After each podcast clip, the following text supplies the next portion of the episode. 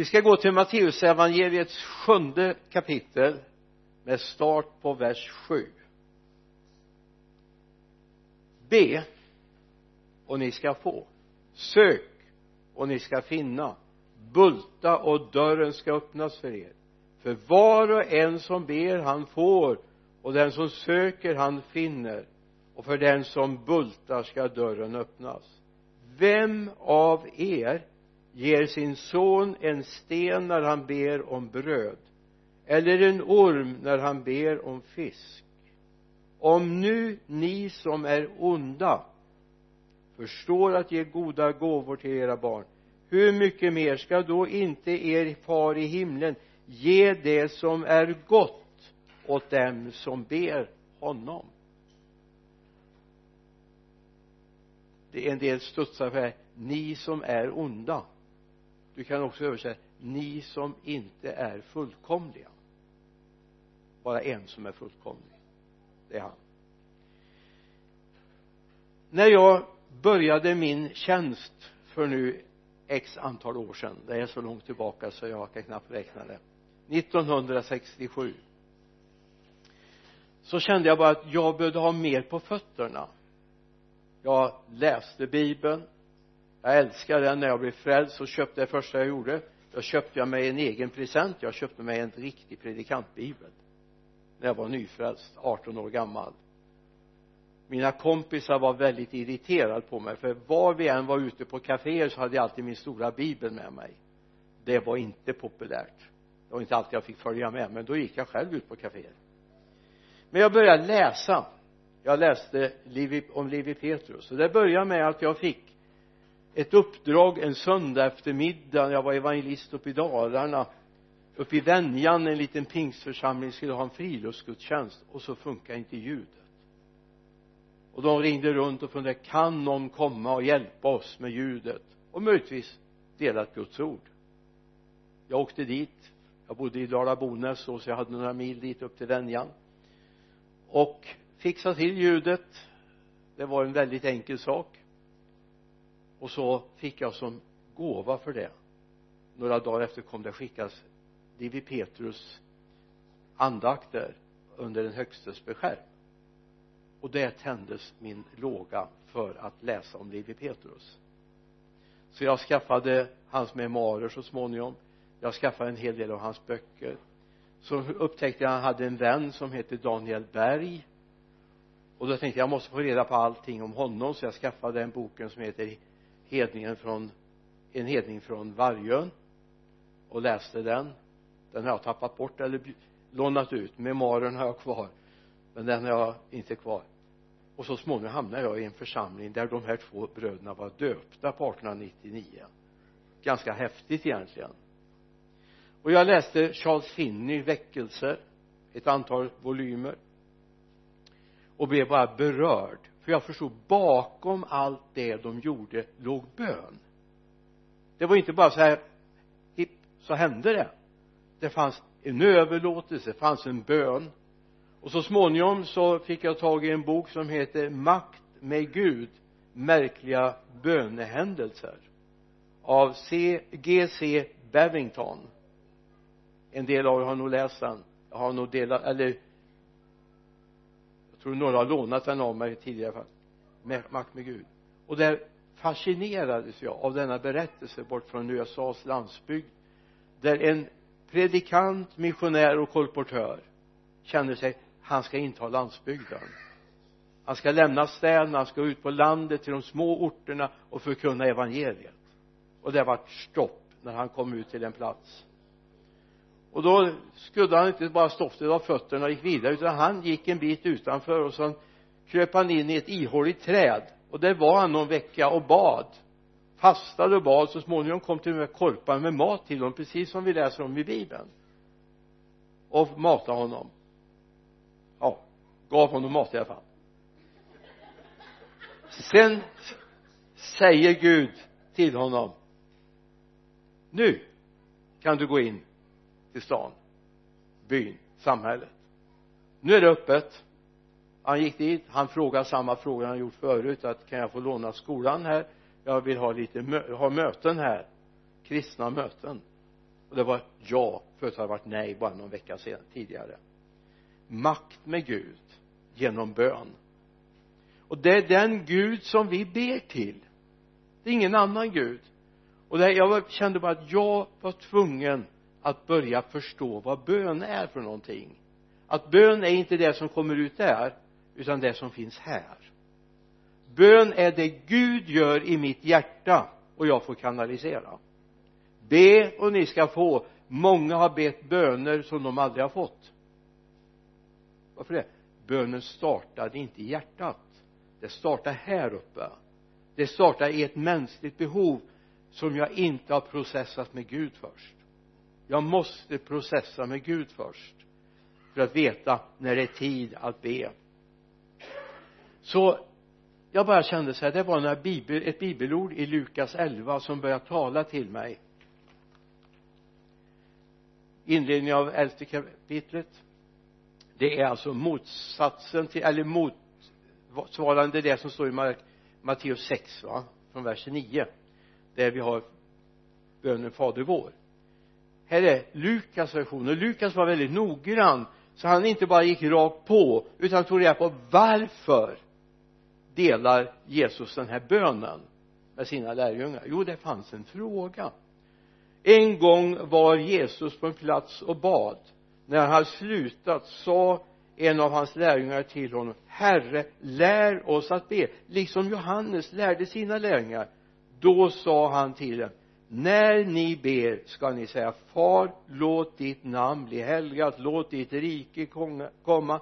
Ge oss idag vårt dagliga bröd och förlåt oss våra synder för också vi förlåter var och en som står i skuld till oss och för oss inte in i frestelse. Herre lär oss att be. Från 1967 när jag började tjäna Gud så har det varit en ständig bön i mitt hjärta. Jag har varit en bedjare i 55 år och ständigt lever jag med det. Herre lär mig att be. Hjälp mig att hitta hemligheten i bönerelationen med dig. Att bön är inte någonting jag gör ibland utan någonting jag lever i. Jag menar ingen av er startar på morgonen och tänker så här hjälp mig att andas idag. Är det någon som har tänkt den tanken idag? Ja då har du varit väldigt covid-19 sjuk i så fall. Då kanske du bör tänka den tanken. Utan det är ju någonting som fungerar därför att det har startat en process i mitt inre. Så är det med bön. Det är att umgås med Gud. Det är inte bara alla mina behov och allt jag vill ha utan det är också att Gud får andas in i mig. Och jag vet det här ligger på Guds hjärta. Det här är Guds angelägenhet. För mig Gud vet mer om mig än vad jag vet om mig själv, eller hur? Gud vet mer om mig. Gud vet mer om din morgondag än vad du vet nu. Du kan ha en kalender, du kan ha prickat in vad du ska göra imorgon.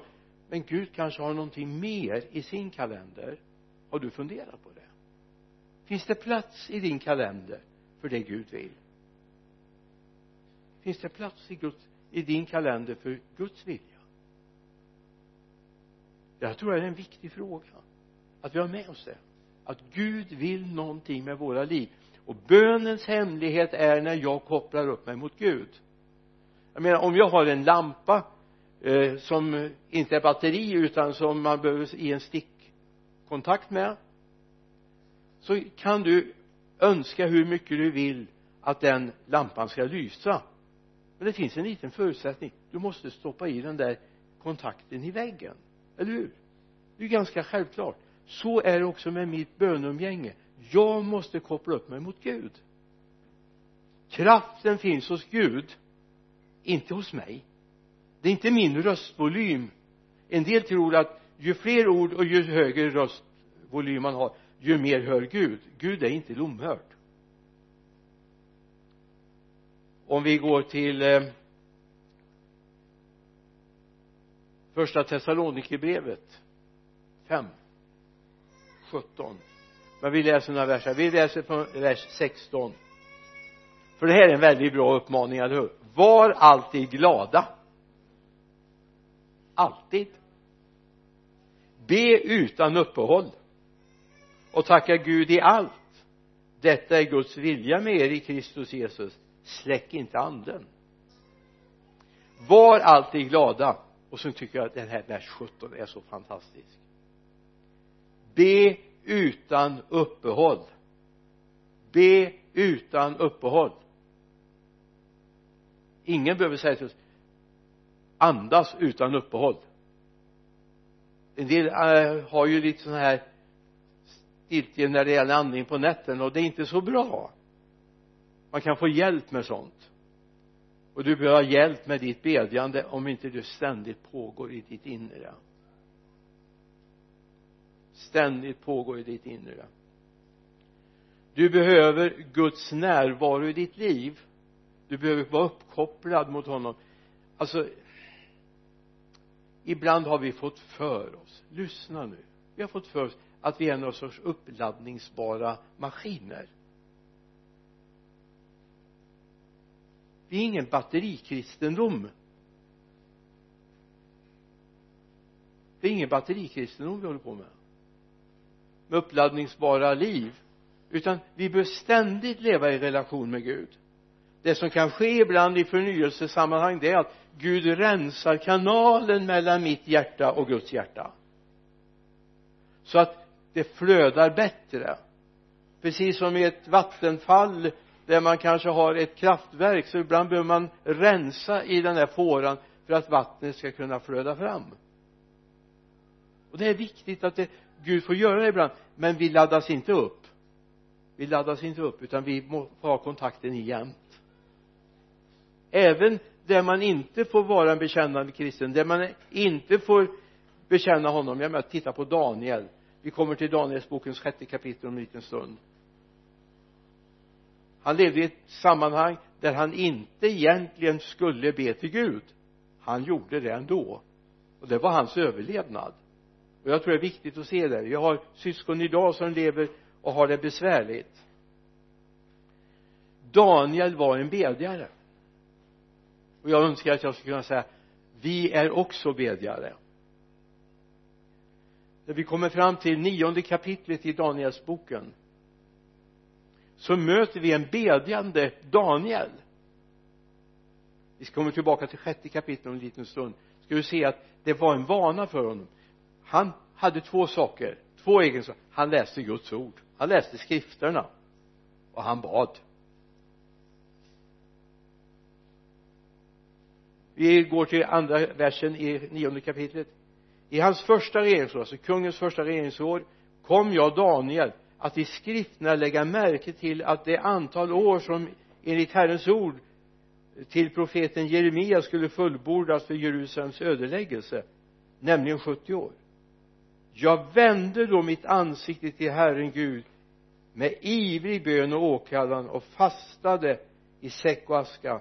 Jag bad till Herren min Gud och bekände. Och så kommer hans bekännelse jag vände då mitt ansikte till Herren Gud med ivrig bön och åkallan fastade i säck och aska. Han gjorde någonting. Han såg att profeten hade sagt att Jerusalem skulle ligga öde i 70 år det står i Jeremiaboken. han gör inte som du och jag när vi fått en profetisk hälsning då gör vi så här då slår vi armarna i kors och så tänker vi nu ska vi se hur Gud fixar det här. Det blir spännande. Jag tror att många av Guds profetier över våra liv har gått till spillo därför att vi inte har sökt Herrens ansikte.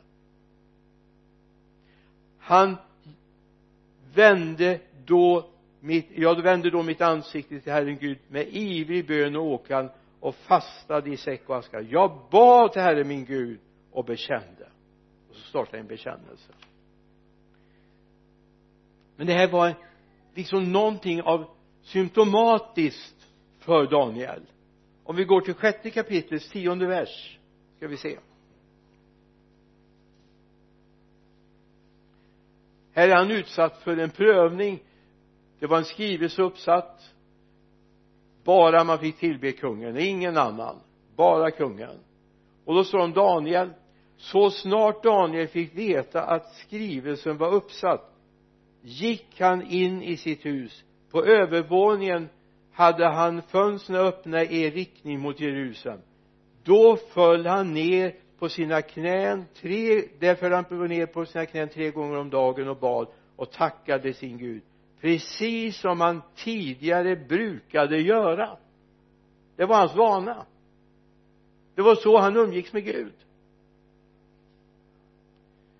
Det handlar om något mer än bara slå armarna i kors och tänka Gud det var spännande att se hur du löser det här.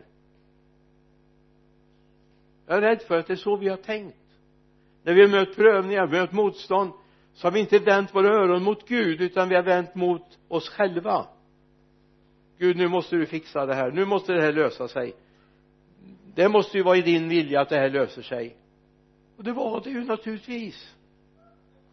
Men Gud väntar på män och kvinnor som har gjort som en vana att vara inför honom. Och till och med de behöver ta extra tid och vända sig mot Gud för att få det han vill. Så låt oss bli bedjare. Läsare det är vi redan, eller hur? Vi läser Guds ord.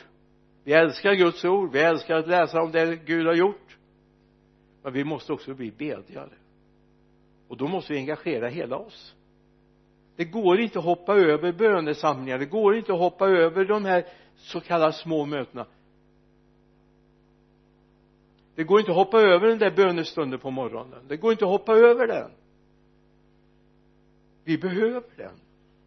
För varje ny dag står vi inför nya situationer och Gud vill förbereda oss Gud vill varna oss Gud vill säga till oss att det här kommer hända idag. Det är inte alltid vi vet exakt men vi kommer få in av Gud om vi tar tid med honom. Och du vet bön är inte det som kommer ut där bön är det som kommer in där eller här. Ibland så tror vi att våra ord förändrar saker. Det gör det inte. Det är vårt hjärtas längtan mot Gud som förändrar saker. Så kom ihåg det. Det handlar om att umgås med Gud att kommunicera med Gud att Gud får tillgång till oss så att han får tala in i vårt hjärta. Och jag har en längtan den här dagen som är en nationell bönedag jag har en längtan att vi inte bara kommer med vår agenda och säger Gud gör det här, Gud gör det här. Utan säger Gud vad vill du att vi ska göra i den här situationen? Vad vill du att jag ska göra i den här situationen? Kanske det behövs inte bara en böne och fastedag. Det kanske behövs en bönemånad, en bön, fastemånad. Det kanske behövs att vi avsätter tid för Gud kanske stänger av tv-apparaten kanske slutar läsa dagstidningen alla skvaller. Eller facebook. Kanske någonting Gud vill att vi ska pausa ifrån. För att han ska få tillgång till oss. Bön är att Gud vill kommunicera. Och allt jag förstår med kommunikation så är det ju inte bara det att det, det jag har på mitt hjärta eller hur? Det är också det Gud har på sitt hjärta. Har du den här dagen frågat Gud Gud vad har du på ditt hjärta för mig idag? Vad har du på ditt hjärta för mig idag? Vi är i en väldigt speciell situation och vi behöver verkligen höra vad Gud har på sitt hjärta för Sverige nu. Vi behöver det. Vi behöver det. Visst skulle vi vilja ha en situation där vi inte är i corona och vi får bara vara åtta i lokalen från och med tisdag. Visst är det det vi längtar efter. Men vad är det Gud vill? Vad är det Gud vill? Det kan finnas saker i det här som vi kanske behöver lyssna till. Jag tänker på församlingen i Antiochia. Det har den i apostlagärningarnas trettonde kapitel. Det fanns en församlingsledning. De hade någonting, de fastade och bad amen. Och så står det i vers två nej vi skrev, nu hoppade jag där har jag. Vers två. När de till tilltjänade Herren och fastade sa den helige ande avskilj Barnabas och Salus åt mig för den uppgift som jag kallat dem till. Då fastade de och bad och la händerna på dem och skickade sedan ut dem. Det var när de var inför Gud. Det var när de avsatte tid för Gud som den helige ande började tala till dem. När jag växte upp i min hemförsamling så hade vi några stycken som jag var dödsförskräckt för. Därför de avsatte tid med Gud. Och jag är så tacksam för dem nu men då var jag inte det för eh, de kunde komma och bara säga Gud har sagt oj vad vet Gud nu? Känns inte så bra. Så hade man varit ute på styr på på lördagen och kanske inte riktigt varit så där som man borde man hade inte bett och så här va? Läst bibeln och då visste Hanna det hemma. Hanna Svensson. Hon visste det. Ibland var det bara en blick och jag visste åh gud det är lite delat liv här nu. Nej det är inte så bra och så hade vi en också eh, det var hennes man. Evert hette han. Han hade en speciell gåva. Han umgicks väldigt mycket med Gud. Han hade en, ett par egenskaper som kanske inte var så positiva. Det ena var när han bad då hörde halva stan det alltså det gick inte att undvika. Vi hade väl fyra, fem kvarter till torget där kyrkan låg men man kunde gå ut på torget och höra när han bad i kyrkan. Evert Svensson. Och ändå hade han haft en deal med Gud. Han sa Gud om du döper mig i den helige ande. Jag vill att du döper mig i den helige ande men då vill jag inte bli så högröstad. Och så hade han något exempel. Han blev mer högröstad än någon. Men han var välsignad men han visste. Han kunde peka och säga jag tror Gud har kallat dig till det. Pröva det, pröva det. Jag var dödsförskräckt att möta honom när jag var nyfrälst. Jag visste att jag bar på en kallelse men jag ville inte möta Evert. För det, det, det var farligt. Då kanske man fick bryta upp och göra något annat. Och jag är tacksam till Gud att han fanns där. Sen var det en märklig, märklig församling. När jag började min pastortjänst nere i, i öst, södra Östergötland var det så var vi 40 stycken från vår lilla församling som var ute i tjänst. 40 stycken. Därför det fanns bönesjälar. De hade genererat någonting. De hade inte bara pekat ut utan de har skapat en atmosfär. Det fanns med i liksom generna i församlingen att människor blev utvalda, utkallade, utkårade. 40 stycken från en församling på drygt 200 som hade under en kanske ganska lång tid i och för sig. Nu kan jag se barnen till dem. Nu är de i pensionsåldern de som Gud började kalla ut. Det har gått i arv. Men det är viktigt också att vi är lyhörda. Ja men om vi går till apostlagärningarnas nionde kapitel så ska vi se det fanns en man som hette Ananias en lärjunge i Damaskus. Till honom sa det är från vers 10 mitt i vers 10 till honom sa Herren i en syn Ananias. Han sa här är jag herre. Va? Här är jag herre. Då sa Herren till honom res dig och gå till raka gatan och fråga i Judas hus efter en som heter Saulus från Tarsus för han ber i en syn har han sett hur en man som heter Ananias kommer in och lägger händerna på honom så att han kan se igen. Mm. Är det här överkurs? Eller är det där vi ska leva? Var har Gud sina Ananias idag? Som vet att en man som har varit en motståndare, en förföljare och en som till och med tyckte om när eh, den första martyren dödades Stefanus.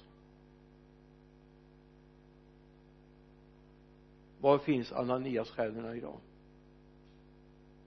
Som vågar gå hem knacka på och till och med till den säga Saul min broder. Det handlar om att man umgås med Gud. Vill du vara med om sådana här saker? Vill du kliva in i det? Börja avsätt tid med Gud. Avsätt tid med Gud. Det går inte på en kafferast. Det handlar om att jag börjar umgås med Gud. Det finns kristna som säger så här till mig. Jag har aldrig hört Gud tala. Då brukar jag ställa frågan tror du Gud har talat till dig?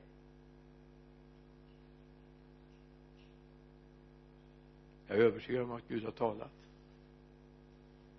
Han har olika vägar för vi är olika människor men olika vägar för att nå in i våra hjärtan. Och det är viktigt att vi har plats för det att Gud faktiskt vill tala till oss.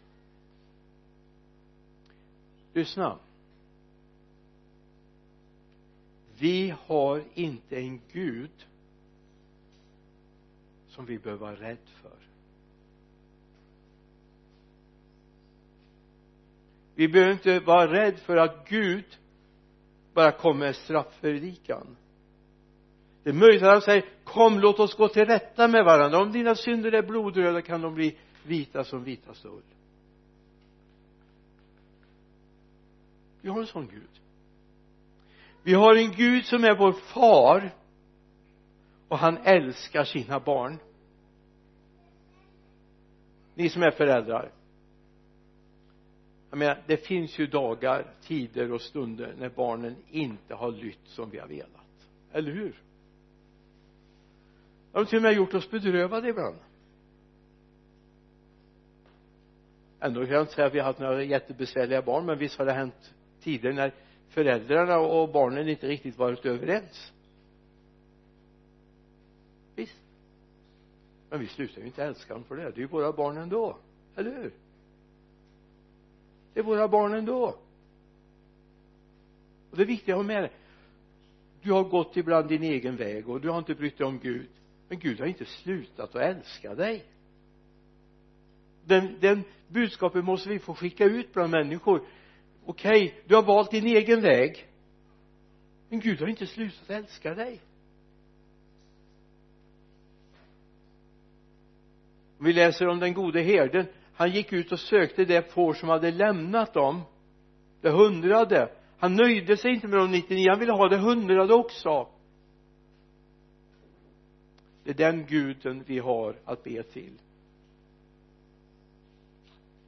Så kom ihåg psalm 139 det här tycker jag är en underbar vers. Vers 4 psalm 139 och den har tröstat mig så många gånger den här versen.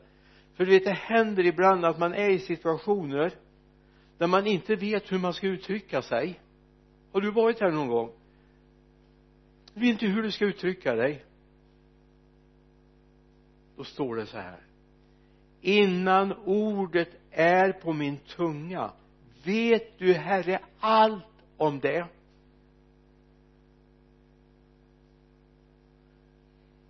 Innan det är på min tunga vet du allt om min behov, min längtan? Jag kanske inte kan formulera det så att det blir förståeligt men i mitt hjärta finns det ett rop. Gud vet det. Han vet det. Och det är viktigt att vi har med det. För ja, framförallt nu när vi ska gå in i en digital tid och vi ska be tillsammans. Och jag hoppas du ska använda möjligheten att sätta på mikrofonen och vara med och be. Amen. Och då är det så här att ibland så känner vi ja men jag vet inte hur jag ska få mig tänk på de tycker nog att jag är väldigt barnslig när jag ber så här och jag, det känns ju väldigt konstigt och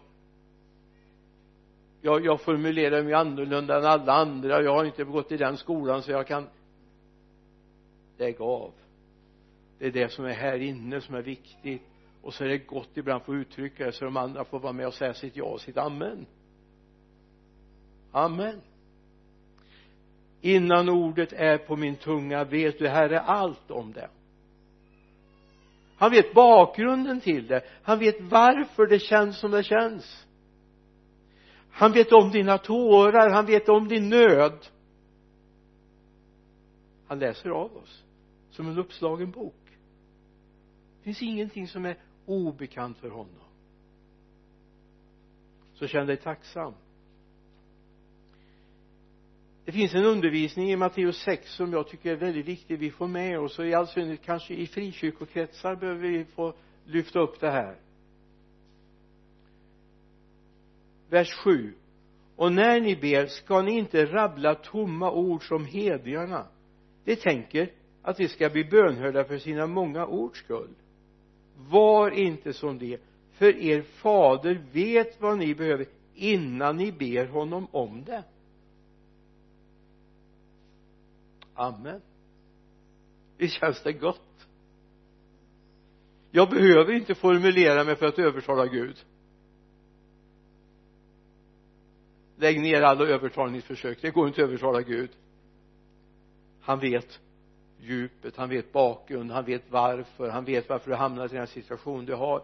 Han känner allt. Så ta honom som den närmaste vän, den där mest förtrogna du har. Eller i Matteus 7 vers 11 om ni nu som är onda förstår att ge era ge goda gåvor till era barn hur mycket mer ska då inte er far i himlen ge det som är gott till den som ber honom. Hur mycket mer? Ibland är det så att vi missar bönesvaren därför att vi har inte öppnat öronen.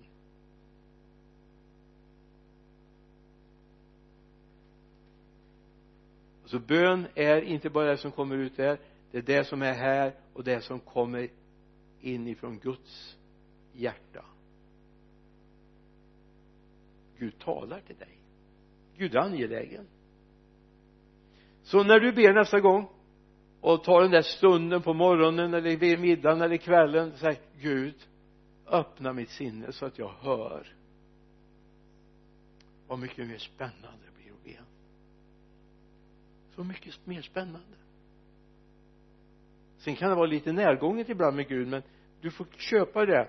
Tänk dig att Gud är den mest kärleksfulla vän du har. Den enda du skulle kunna tänka dig att säga någonting ett förmanande ord till dig eller rätta dig i någonting. Har du någon sån vän här på jorden?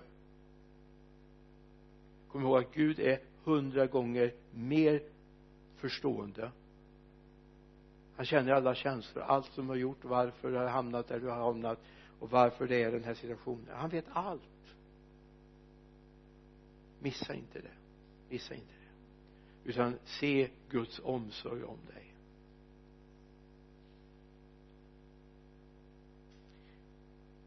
Bön är till en god far. Gud är en god far. Du lyssna nu. När vi hade barn hemma och sen barnbarn så kan det ju hända att ibland har barn begärt att få göra saker som föräldrar eller mor och farföräldrar säger nej till. Det är inte säkert att ett barn som är två år ska ha vassaste kniven även om det är roligt. Eller hur? Det är inte alltid den ska få sätta i elkontakten eller peta i eluttaget.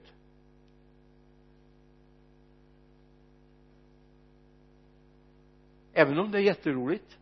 Ser jättespännande ut. Eller skulle isär säga elsladden som man inte dragit ur väggen? Det finns saker man säger nej till. Gud säger också nej ibland. Just nu förstår vi inte men Gud jag vill ju det här ja det här du vet det här blev väldigt bra men Gud vet ju. Han ger svar i sin tid. Och en del säger så här jag får aldrig bönesvar. Lika med Gud jag får aldrig det jag vill. Det får du visst det. När du ber efter hans vilja. Amen. Men det är viktigt att vi får tag i det här.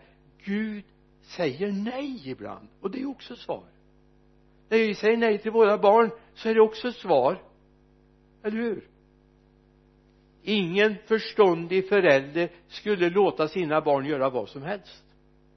Även om de tycker det är roligt att klättra upp på taket och gå upp på skorsten och, och leka där. Men så säger förståndiga föräldrar nej!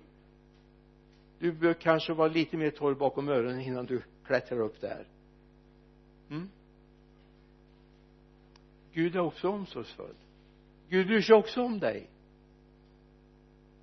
Allt folket sa eller säger ni alltså? Det kan också vara svar. I eh, första Johannesbrevets femte kapitel finns en hemlighet. Första Johannesbrevets femte kapitel. Detta skriver jag till er för att från vers 13 förlåt mig. Detta skriver jag till er för att ni ska veta att ni har evigt liv ni som tror på Guds sons namn. Och den tilliten har vi till honom att om vi ber om något efter hans vilja så hör han oss. Och om vi vet att han hör oss vad vi än ber om då vet vi också att vi redan har det vi har bett honom om.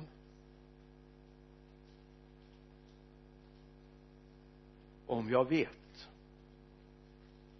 En av de saker som vi behöver lyssna på Gud för för att få trygghet i vårt bedjande det är att vi förstår att han har hört oss. Gud kan prata med miljarder människor samtidigt. Det kan förmodligen inte du det räcker att man har en skolklass som jag har haft några gånger med 25-30 barn och alla pratar samtidigt. Jag hör ingenting. Det är helt hopplöst. Men Gud fixar det. Han fixar det. Därför vet han vad du har bett honom om. Tänk bara på att känna Gud hörde mig. Han lyssnar på mig. Inte bara att jag välde ur mig allt det jag hade i mitt hjärta och jag vände kanske bak och fram på orden. Men jag vet han hörde mig. Vet jag att han har hört mig så vet jag också att jag har det som jag bett honom om i min bön. Då står det för om vi ber efter hans vilja.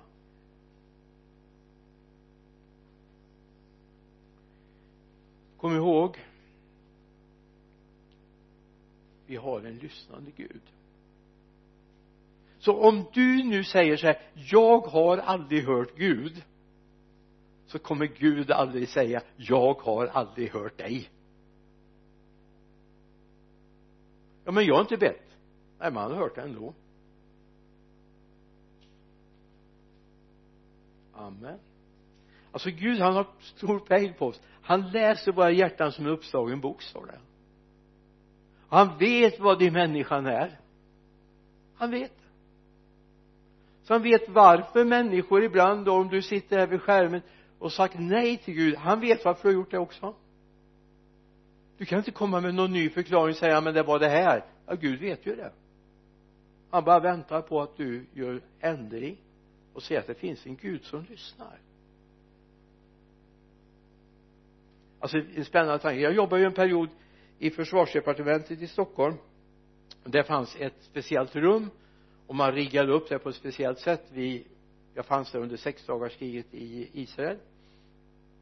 Och då aktiverade man det här rummet och så hade man någon typ av hela eh, staben för, för eh, milostab hette det på den tiden. Jag kommer inte vad det heter nu.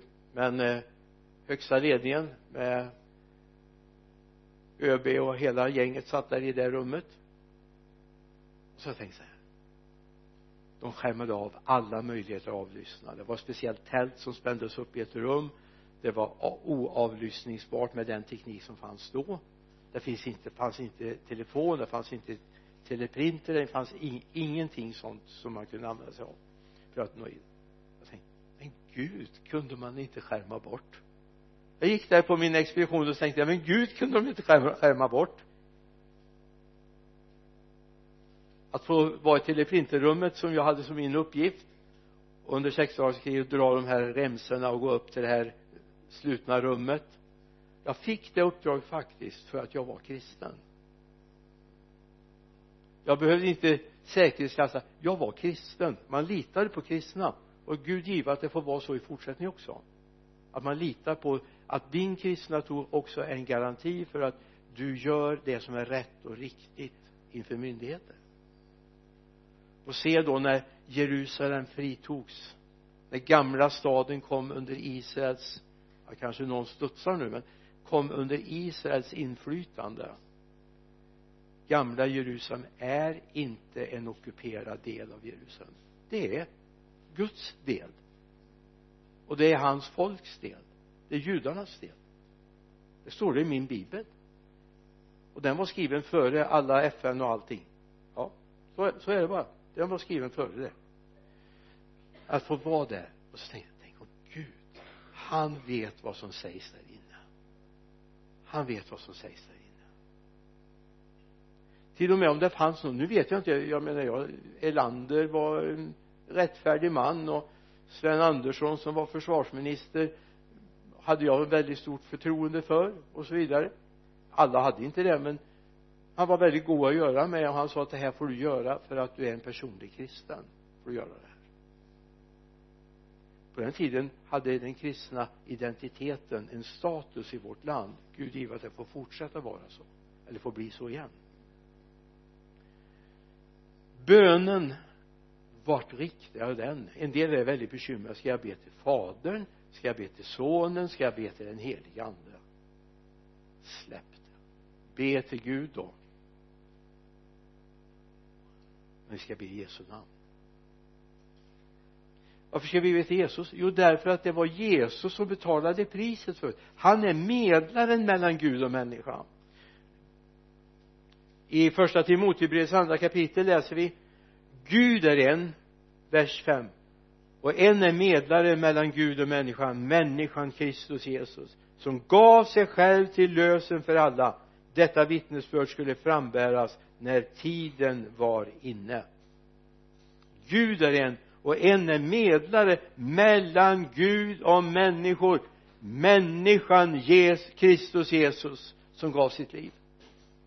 Det är ganska tydligt vi ber till fadern men vi ber i Jesu namn därför det är han som är medlaren. Det är därför han är medlaren. Mellan oss människor och den helige guden. Amen.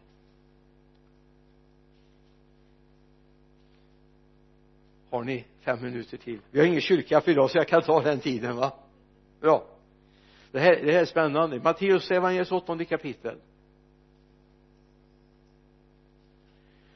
Finns en officer i den eh, armén den romerska armén.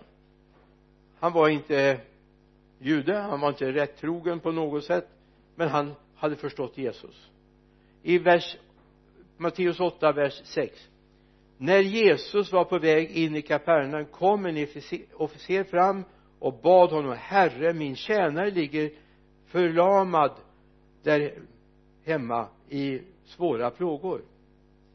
Och Jesus sa till honom jag, jag kommer och botar honom.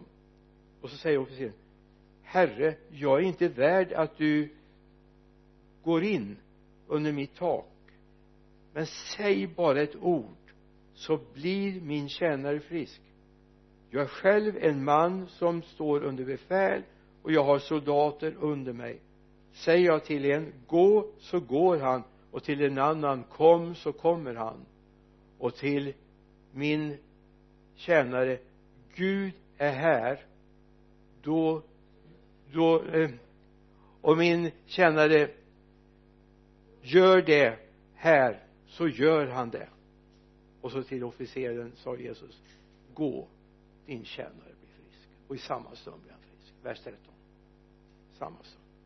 Sån är han. Sån är han. Det här alltså det här ordet är så tröstefullt vi tänker så här ja men om det ska hända någonting så måste ju någon lägga händerna på mig. Och det är underbart. Det är underbart. Det är helt fantastiskt.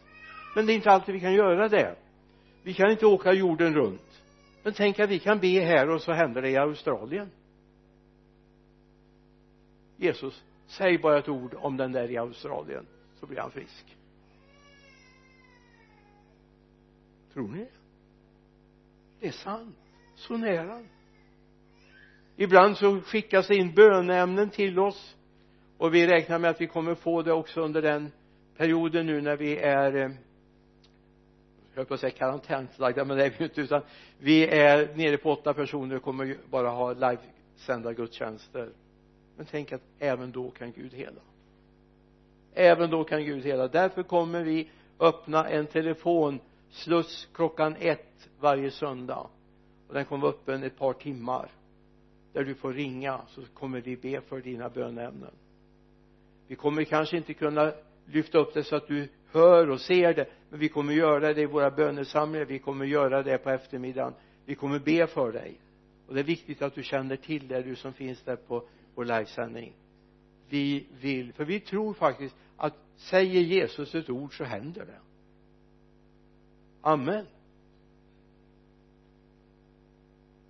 Vill du för att stärka tron att vi ber för en böneduk så gör vi det naturligtvis. Naturligtvis. Och skickar till dig. Får vi adressen så skickar vi böneduken till dig. Vi hade ett nummer av våran tidning en gång i tiden som var bara vittnesbörd på människor som har blivit helade genom bönedukar vi har skickat. Det var, det var, det var alltså en häftig helt plötsligt fick vi för oss vi ska ringa runt till alla de vi har skickat bönedukar till. Eller de som varit här och hämtat bönedukar till vänner så ringde vi runt och så fick vi ihop ett helt nummer med underbara vittnesbörd om vad Gud gör. Säg bara ett ord herre så sker det. Och vi ber i Jesu namn för att människor ska få uppleva honom till frälsning och nytt liv. Vi är inne i en bönedag och jag skulle önska att det blev en bönevecka. Då vi har det här ärendet till Gud varje dag men också öppna våra öron om Gud har någonting att säga till oss kanske. Nu tar jag i. Kanske det finns någon i vårt land som Gud vill tala till när det gäller denna coronasmitta. Detta virus. Ja, men jag är inte helt främmande för att Gud kan tala till människor även när det gäller sjukdomar och pandemier. Kanske finns någonting som Gud vill säga det här ska ni förmedla till folkhälsomyndigheten eller socialstyrelsen eller till något labb. Gör så här istället. Jag minns ett vittnesbörd jag fick för många år sedan. Det berättades här. Vi hade besök av en man som heter Jan Lund. Kommer ni ihåg honom? Prismateknik. Numera engagerad i eh, Staksättskampanjerna han hade ett företag och de hade en sak de var tvungna att lösa. Och han ropade till Gud och så det var liksom tyst. Och så sa han till sin fru jag åker ner på ett möte i Pingstkyrkan i Jönköping ikväll. Jag, jag känner att jag ska åka dit. Och när han sitter där så säger Gud till dem ta upp papper och penna. Tänker jag men det är ju bra att notera vad som sägs. Och så fick han ritningen till den sak han och som blev världspatent sen. Stod han här och så berättade kommer ni ihåg det? Ett antal år sedan tänk om det är så att Gud vill använda någon broder, syster i vårt land kanske finns någonting som vi har missat och som kan bli en världshändelse inte för att vi ska göra business på utan att människor ska få uppleva här, hälsa och läkedom. Att vi blir fria från den här pandemin. Ja men det är ju ett virus det är, ja men vadå då virus? Vem har skapat den här världen? Vem har skapat den här? Jag menar om du går ut en stjärnklar kväll och tittar upp bland stjärnorna och galaxerna där uppe och ser och Orion och mm. går du och är rädd att de ska komma nedtrillande har du tänkt den tanken någon gång? Men nu kommer planeterna och landar här Jupiter helt plötsligt. Oj vart tog jorden vägen? Eller Saturnus? Du är inte orolig för det eller? Nej. Samma konstruktör som har konstruerat det det är ingen big bang. Det finns en personlig konstruktör till den skapelse vi lever i. Amen. Han vet också hur ett virus ska stoppas. Han vet det. Han vet hur bakterier fungerar. Han vet det. Så jag har större förtröstan på honom ja men jag tycker vi har fantastiska vetenskapsmän. Jag är helt fascinerad av många av dem. Men jag vet att vår Gud är större. Vår Gud är större. Och nu vill Gud bara liksom och låt det få bli avslutningen nu vill Gud att efter du öppnar öronen och litar på. Ja men du har aldrig suttit satt din fot i ett laboratorium. Du har aldrig gått högskola kanske. Du kanske inte har läst en enda poäng men Gud kan använda det ändå. Gud har skapat dig också. Det skulle ritas en kyrka på en plats här i Sverige. Den skulle rymma ett visst antal människor. Och man bröt och man bände hur man ska lösa det här. Så var en kvinna bort i USA som har fått reda på det här hur man skulle göra nej det var i Korea det här. Det var i Korea. När man skulle bygga om eh, Jan församling och kyrkan de skulle rymma med de bad och de fastade och de funderade hur ska vi lösa det? För ytan var inte så stor som de behövde för att rymma folket. Borta i USA finns en gammal kvinna som sitter och skissar på ett block. Och så säger Gud dra så, gör så, gör så och så ska du skicka det till pastor David Jangershow och så skriva längst upp skissen till konstruktionen för eran nya kyrka. Och hon skickar det. Hon har aldrig gått på någon kurs och vet ingenting om hållfasthetslära och och så tar jag pastor Jan den där enkla skissen som han fått så går han till en och konsulterar nej så är det ju man ska göra jag vet inte vilken detalj det var. Jan Guillou berättade det här i ett sammanhang när han var i Sverige. Jag blandade ihop det med en kyrka som skulle byggas i Stockholm för det var Stanley Sjöberg som berättade det här för mig i sin tur. Gud vet. Gud vet. Våga lita på det. Våga lita på att Gud kan använda dig. Det kan vara pandemin. Det kan vara andra saker det kan vara någonting som din granne behöver. Lita på för bön är också att höra. Det handlar också om att höra Herrens röst och lyssna ska vi be. Herre jag ber låt det få landa i våra hjärtan idag far jag ber dig. Ta hand om oss som är samlade här och låt oss få känna här att den helige ande för det här vidare in och planterar det djupt in i våra hjärtan och gör oss till bedjare. Inte konsumenter. Far vi har varit alldeles för mycket konsumenter. Gör oss till bedjare som umgås med dig fader. Jag ber om det. Tackar dig för att du hör oss för ditt namns skull. Amen.